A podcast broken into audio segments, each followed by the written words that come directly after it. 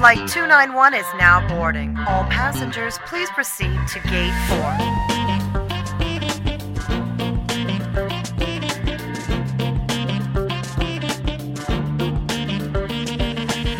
Hei og hjertelig velkommen til en ny episode med Reise klar med EF. Denne podkasten som er skapt for deg som elsker å reise og oppleve verden. Mitt navn er Håkon Borge Fredriksen, og jeg sjøl reiste på utveksling til USA i et helt år sammen med EF, og nå er jeg her for å lede denne podden sammen med dere.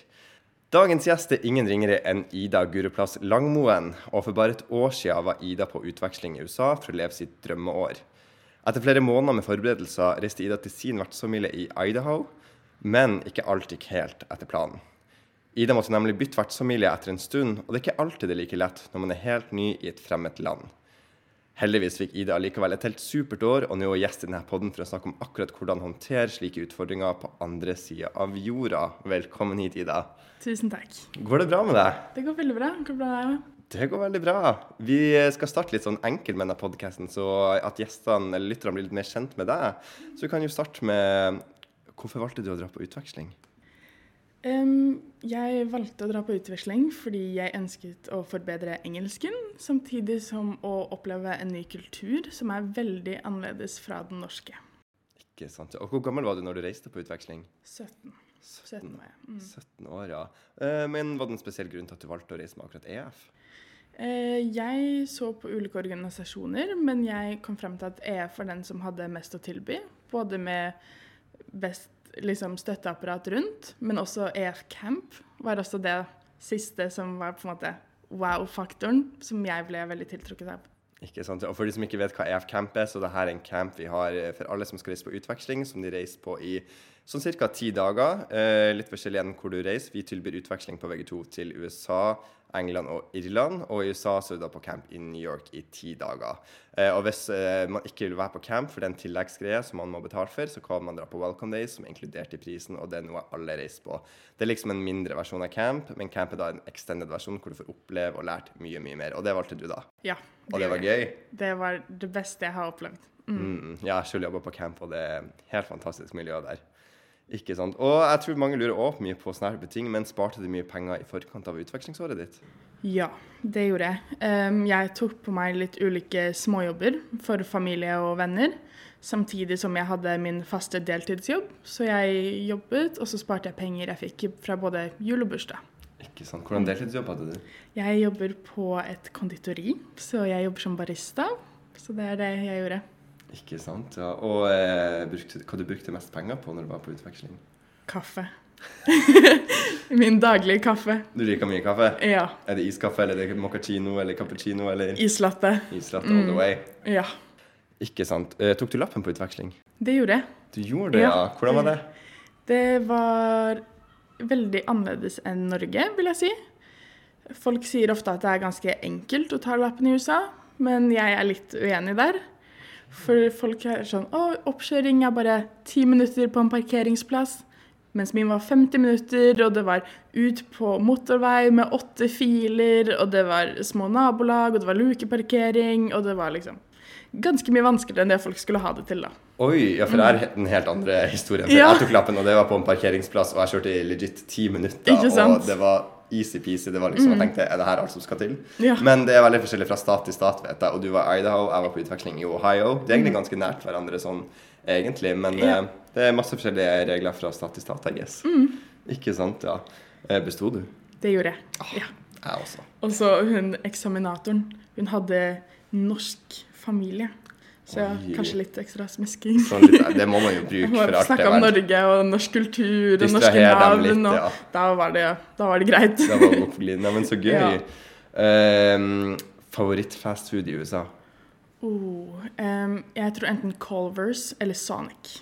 Oi, jeg har ikke prøvd noen av de, faktisk. Oh, det beste. Oi, ja, Mine var Chick-fil-A og Taco Bell. Chick-fil-A, Mm. fantastisk. Ja, jeg bare Ja. venter til vi får sånne ting i Ja, Norge også. jeg. Herregud, så gøy. Men gikk du på noen sport eller klubber i USA? Det gjorde jeg. Jeg gikk på volleyball, basketball, og så gjorde jeg track and field. Så var jeg også med i Key Club og Student Council. Hva er Key Club og Student Council? Student Council det er litt sånn som elevråd i Norge. Um, så vi sto for liksom skoledansene og food drives for å samle inn penger til skolen, så vi kunne få til alle disse dansene og sånn. Mens Key Club, det var community service, så vi gjorde masse ting for ja, nærområdet. Vi hjalp til på et sånn shelter. Jeg vet ikke helt hva det heter på norsk, men Ja, ja shelter. Google det hvis man ja. ja, med barn og kvinner som hadde flykta liksom fra menn som ikke var så snille, så vi samla inn penger til det, og så hjalp vi til med å plukke søppel noen ganger, og vi hadde bilvask og fin måte til å hjelpe ut i samfunnet. Så fantastisk. Så gøy. Og track and field, for de som ikke vet det, det er da friidrett på norsk. Jeg gikk Ja. også på friidrett. Og eh, det høres kanskje veldig mye ut at Ida har gjort alt det her, men sportene i USA er veldig lagt opp at de er en del av high schoolen, og de er delt opp i hvert på en måte, hva skal vi kalle det? Årstid. Årstid, ja. For Ja. du har én på høsten, ikke sant? så har du en på vinteren, og så har du en på, På våren. Mm. Og det er liksom skapt for utvekslingsstudenter, for da kan du liksom prøve tre forskjellige sporter på samme år uten at de overlapper hverandre. Ja. Så jeg gjorde akkurat det samme. Så jeg hadde også tre forskjellige ting jeg gjorde, så det er Ja. egentlig prima å velge. Var du fornøyd med valget av sport? Veldig. Veldig. Ja. Ok, gøy. Neimen, så bra. Eh, hva hadde du savna aller mest fra Norge når du var i USA? Um, jeg tror jeg savna norsk brød. Ok, Eller knekkebrød. ok, knekkebrød, ja. Det var liksom min faste frokost i Norge.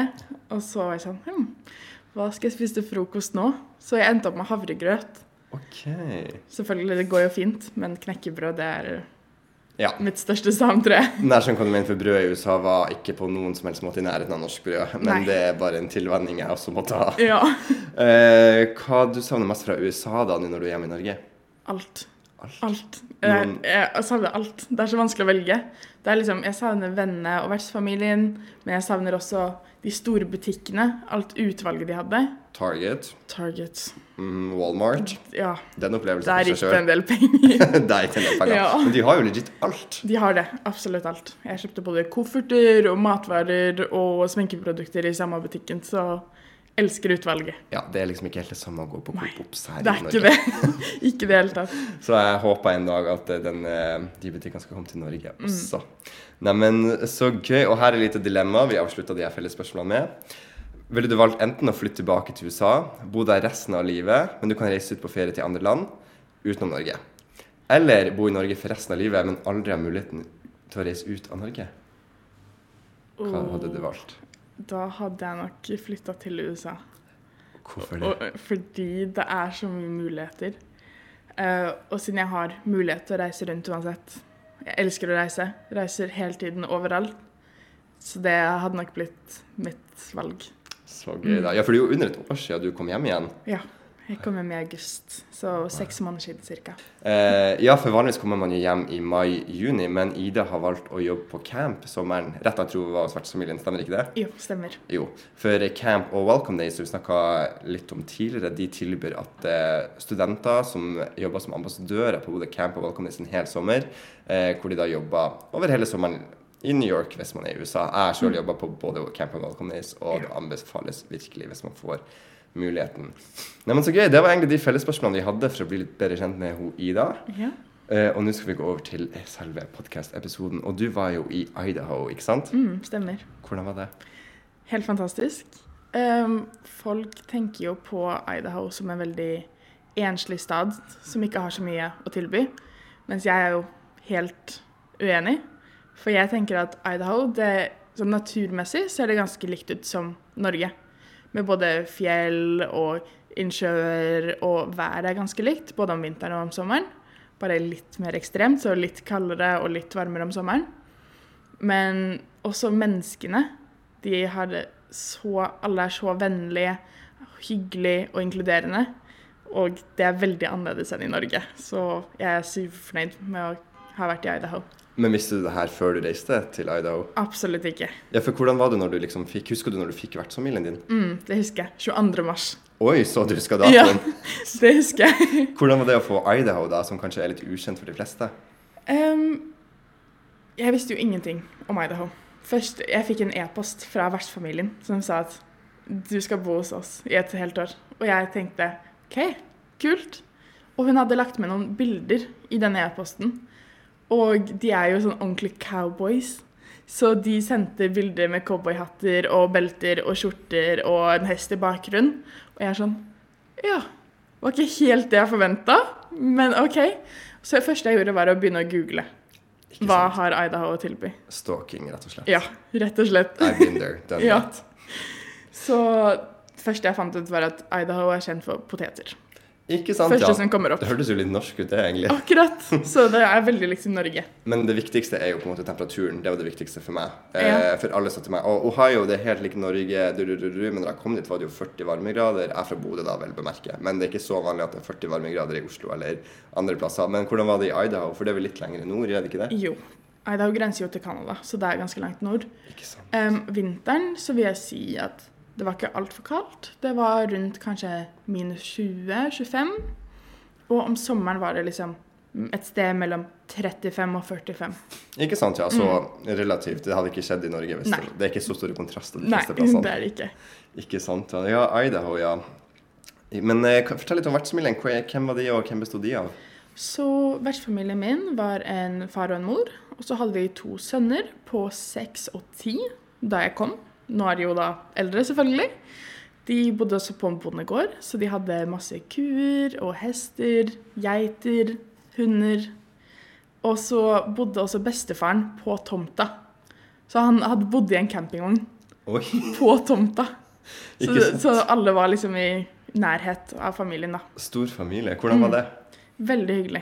Veldig inkluderende, og jeg følte meg alltid som en del av familien fra første øyeblikk. Ikke Så sant, det ja. var veldig koselig. Har du bodd på bondegård før? Aldri. Jeg Hvordan bor, var den? jeg bor jo i Oslo, så jeg er ikke vant til det. Men uh, det var veldig gøy.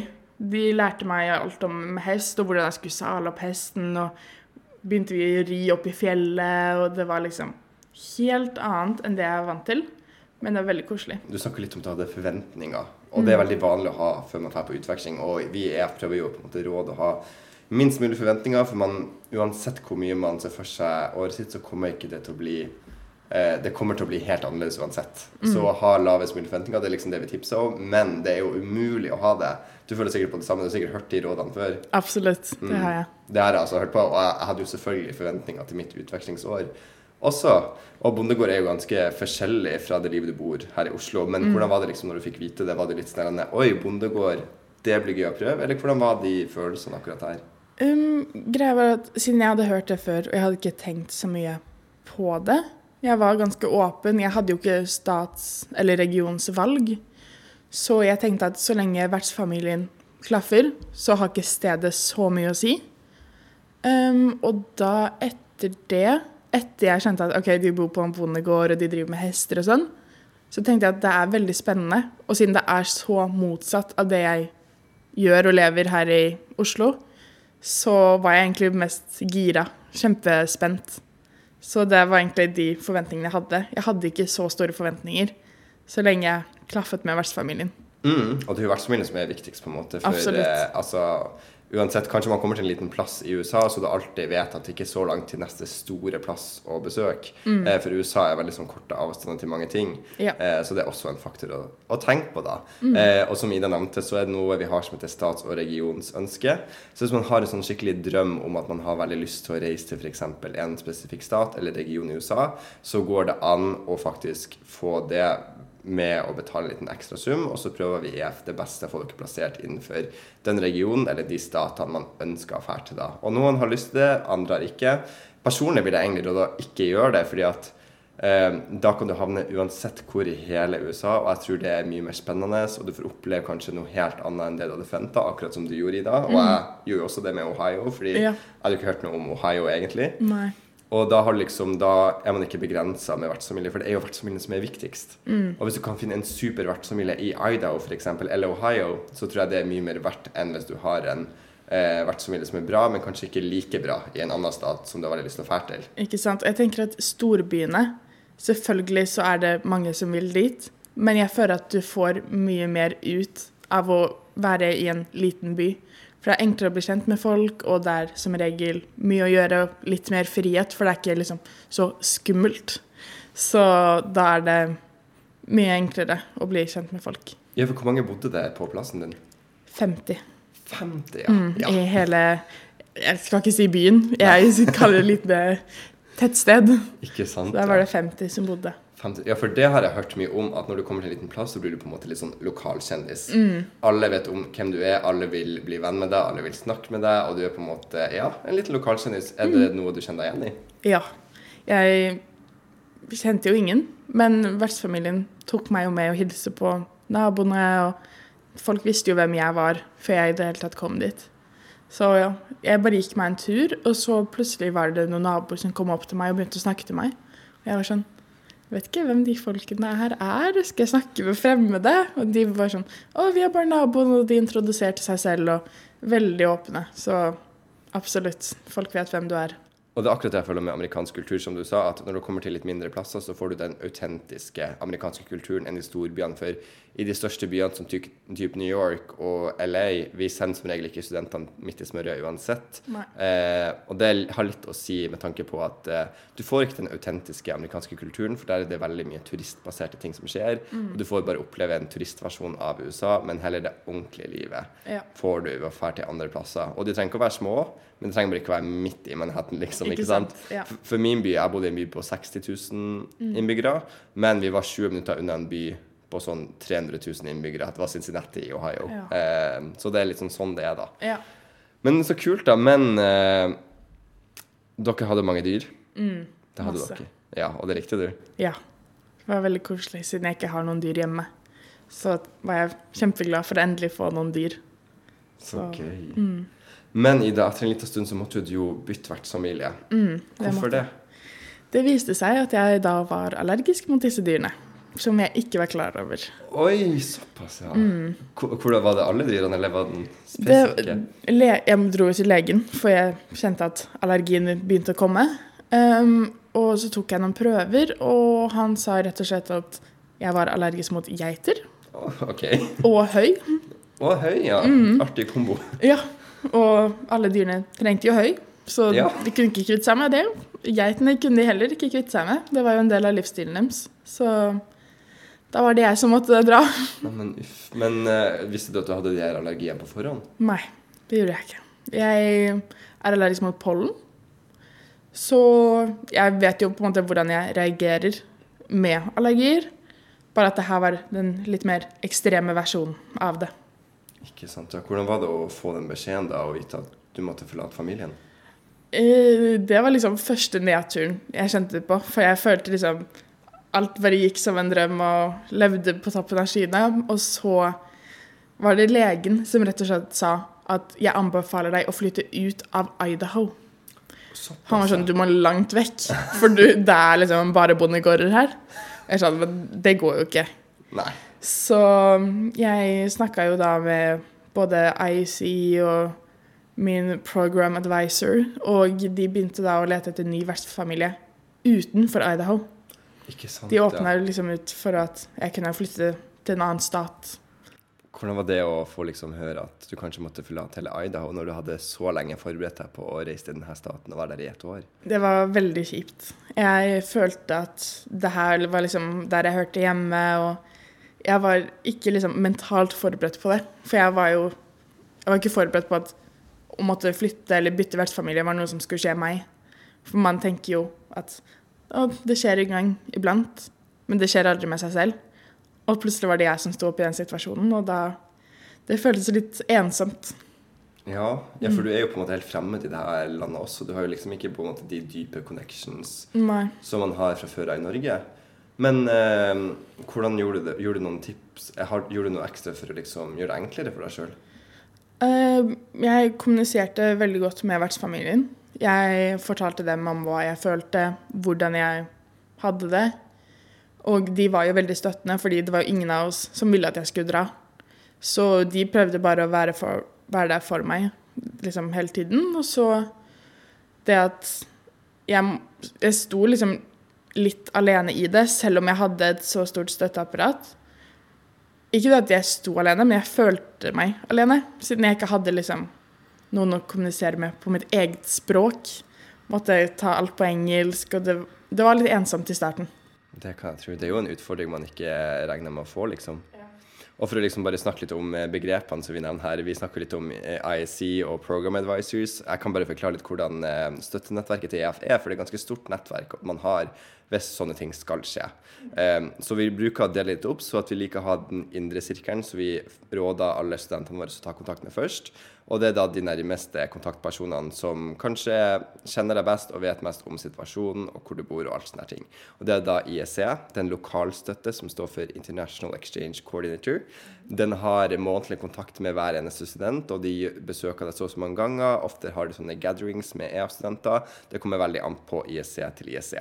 Eh, dere trenger egentlig ikke å huske alle de begrepene, for det er ganske mange. Men så har du skoler og vertsfamilien, som er også i den indre sirkelen, siden de står deg så nært. Så vi råder å ta kontakt med de, for de er dine nærmeste basically under hele året.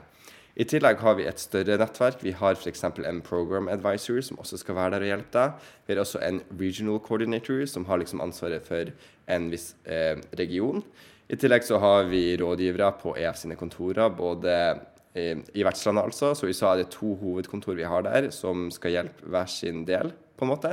Og der sitter masse folk som er klar for hjelp hver eneste student vi har.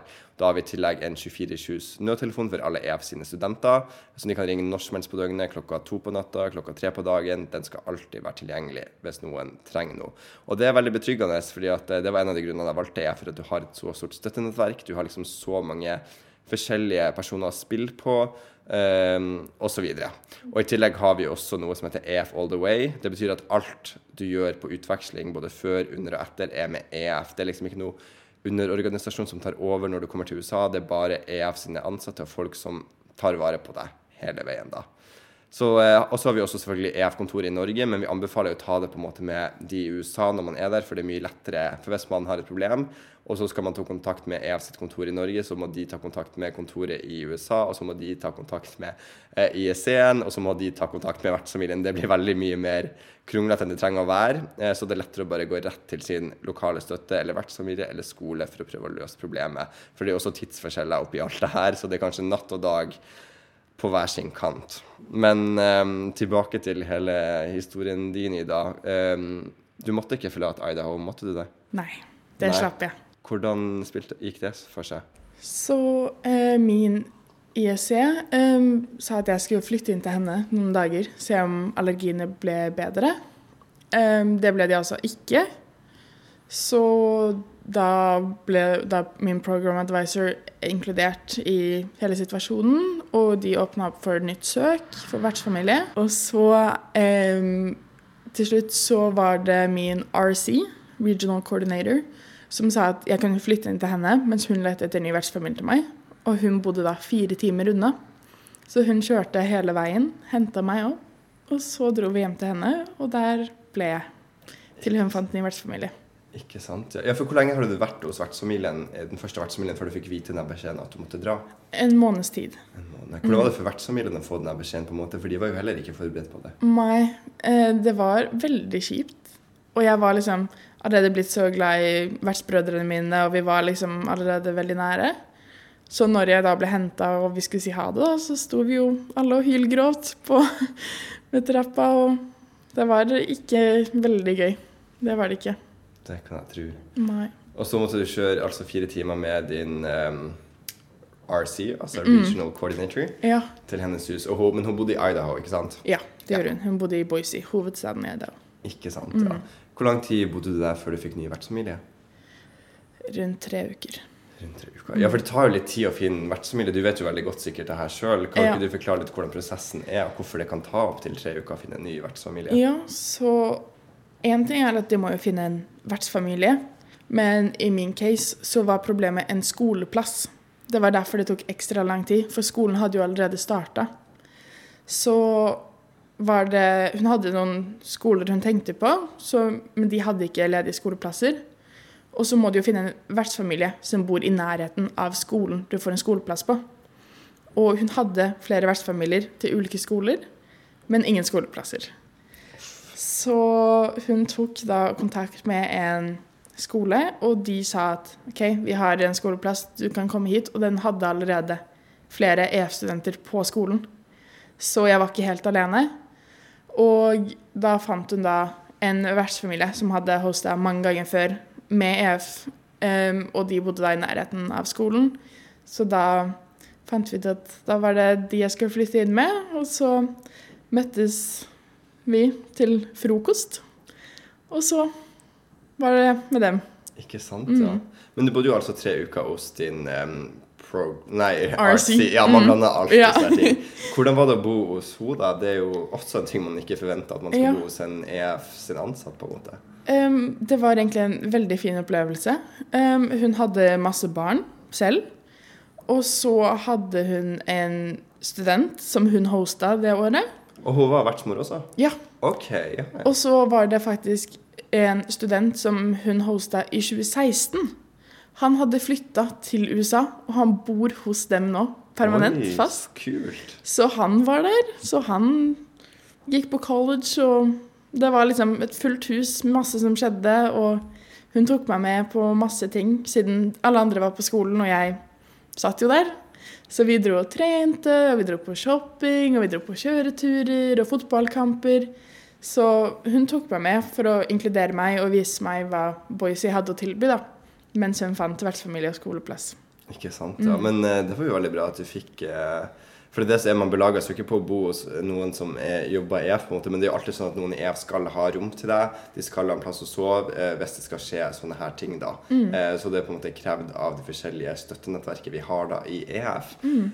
Men så bra, så dere fikk et ganske, et ganske godt forhold, da. Det gjorde vi. Um, og hun hadde også ulike gatherings utover året, så vi så hverandre ganske jevnlig. Og så arrangerte hun også store turer med alle utvekslingsstudentene i Western Idaho. Så vi dro både til San Francisco og til Sierra, og så pepperkakebaking hjemme hos henne og sånn, så vi så hverandre ganske jevnt. Så gøy, da. Mm.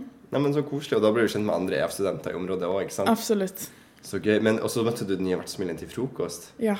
Hvordan var det å plutselig få vite at nå har du fått ny familie? Um, det var veldig lett ja, befriende følelse, på en måte. Og samtidig som det var veldig skremmende. For jeg visste jo ingenting om denne vertsfamilien.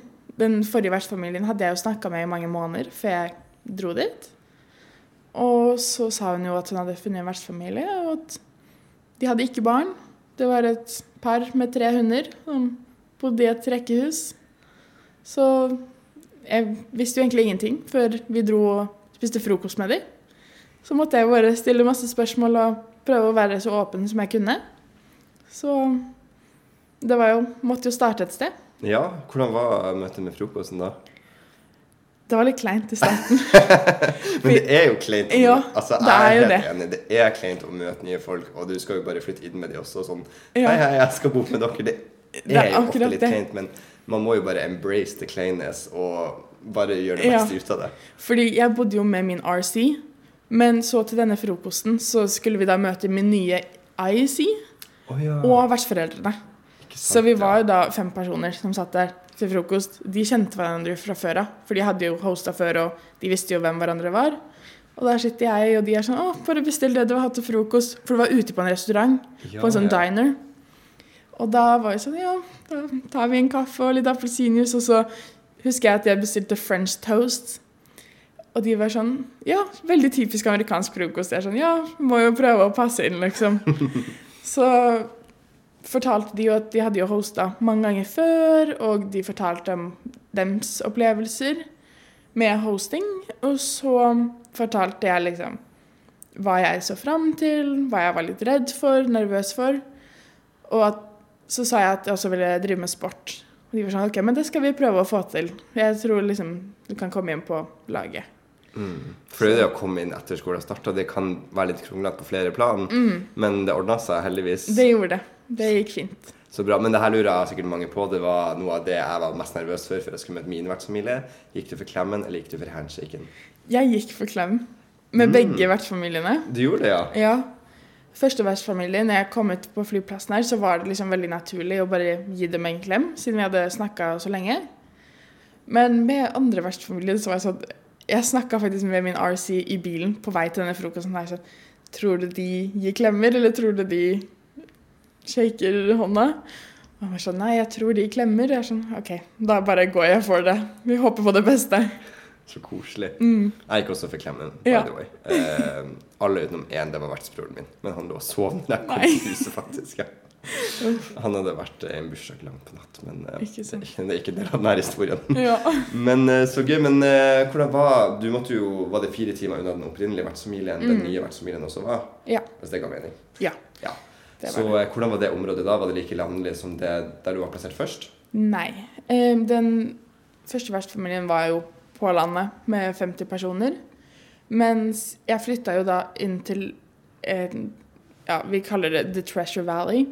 Som er på en måte Hva skal vi si Det er fire-fem små byer rett rundt hovedstaden, som er Boise. Så jeg bodde i et sted som heter Meridian. Og det er ca. 15 minutter med bil fra Boise. Så det var masse butikker og masse kafeer, masse nabolag, store skoler. Og alt var liksom veldig i nærheten.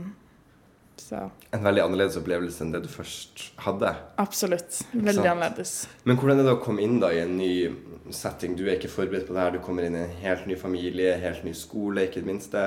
Eh, hvordan var det på en måte å tilpasse et miljø som du kom litt for seint inn til, hvis man kan si det, siden skolen hadde starta allerede? Um, jeg var veldig nervøs for første skoledag, fordi skolen hadde jo allerede starta, og jeg kom sent inn. Heldigvis så visste jeg på en måte hvem de EF-studentene var, så de var på en måte de første jeg snakka med. Eh, fordi jeg kom litt før skolen starta, så jeg snakka med de. Men første timen jeg hadde, det var ikke med noen av utvekslingsstudentene. Så jeg må jo gå inn da i denne timen. Jeg setter meg ned, og så ser jeg rundt jeg sitter på et bord med tre gutter. Ingen av de snakker til meg. Så jeg er sånn Ja, da får vel jeg starte å snakke, da. Så jeg begynner å snakke med sidemannen, og så viser det seg at han er også ny til denne skolen. Oi! Så han, det er første året hans der òg. Så vi begynner å liksom Å, så kult liksom at du er ny, og jeg er ny, og kan bonde litt over det. Og så forteller han at han er halvt engelsk. Halvt amerikansk, halvt engelsk. Ikke sant? Ja, britisk er det. Ja, britisk, ja. Så vi snakker liksom om Europa, og han ville masse til Norge fordi han hadde sett liksom isbjørner og nordlys, mens jeg prøvde å liksom bli bedre kjent med den amerikanske delen. Så vi hadde egentlig mye å snakke om, så vi ble liksom veldig gode venner første skoledag. Så gøy, da. Men da, da løste det seg jo fint allerede første time. Ja, For det kan jeg se for meg være utfordrende å komme til en ny skole som allerede har starta. Mm. Men eh, som utvekslingsstudent så er det kanskje lettere å bli Jeg i hvert fall opplevde at det er lettere å bli kjent med folk når de vet du er en utvekslingsstudent. For amerikanere på generelt basis føler jeg er veldig interessert i å snakke og er veldig åpen for nye folk. Mm. Og med en gang du hører du er utvekslingsstudent, så blir du på en måte kronjuvelen da. Ja. Eh, på skolen. Mm. Eh, var det sånn at du følte at du kunne få litt mer ekstra oppmerksomhet siden du var fra Norge? Eh, etter hvert, ja. Men i den første timen så visste ikke læreren at jeg var en utvekslingsstudent som skulle komme. Så jeg går inn der, og hun snakker til meg som om jeg forstår liksom absolutt alt og hvordan skolen fungerer. Og jeg er sånn Unnskyld, men jeg er bare en utvekslingselev. Jeg vet ingenting av hva du snakker om, på en måte. Men eh, hun forklarer alt veldig fint, og det går greit etter hvert. For det, hun er sånn Å, kan du liksom reise deg opp og fortelle litt om deg selv? Og jeg står jo der og bare Ja, jeg heter Ida, kommer fra Oslo, Norge. Og de er sånn Å ja. Men hvor er det? Jeg er sånn Nei, Skandinavia. Europa. Og de er sånn vet ikke helt hvor det er, men det er greit. Så ja, det ble lettere etter hvert når de visste at OK, hun vet ikke helt hva vi snakker om, siden hun er jo ikke herfra.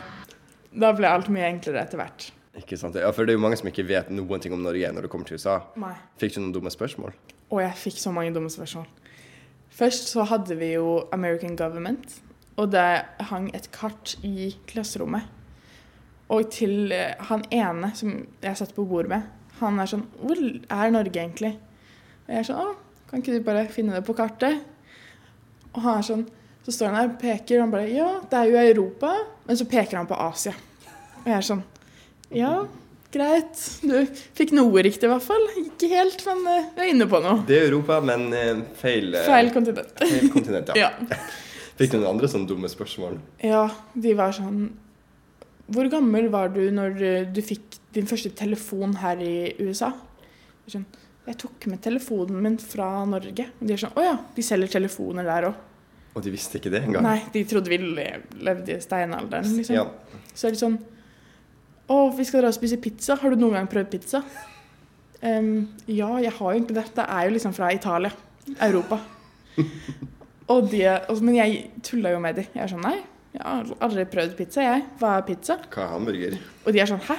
Har du seriøst aldri prøvd pizza? Og jeg er sånn Nei, jeg har ikke peiling på hva det er. Så de forklarte liksom Pizza, det er litt liksom flatdeig, så skjærer du stykker ut av det, ofte med tomatsaus og ost.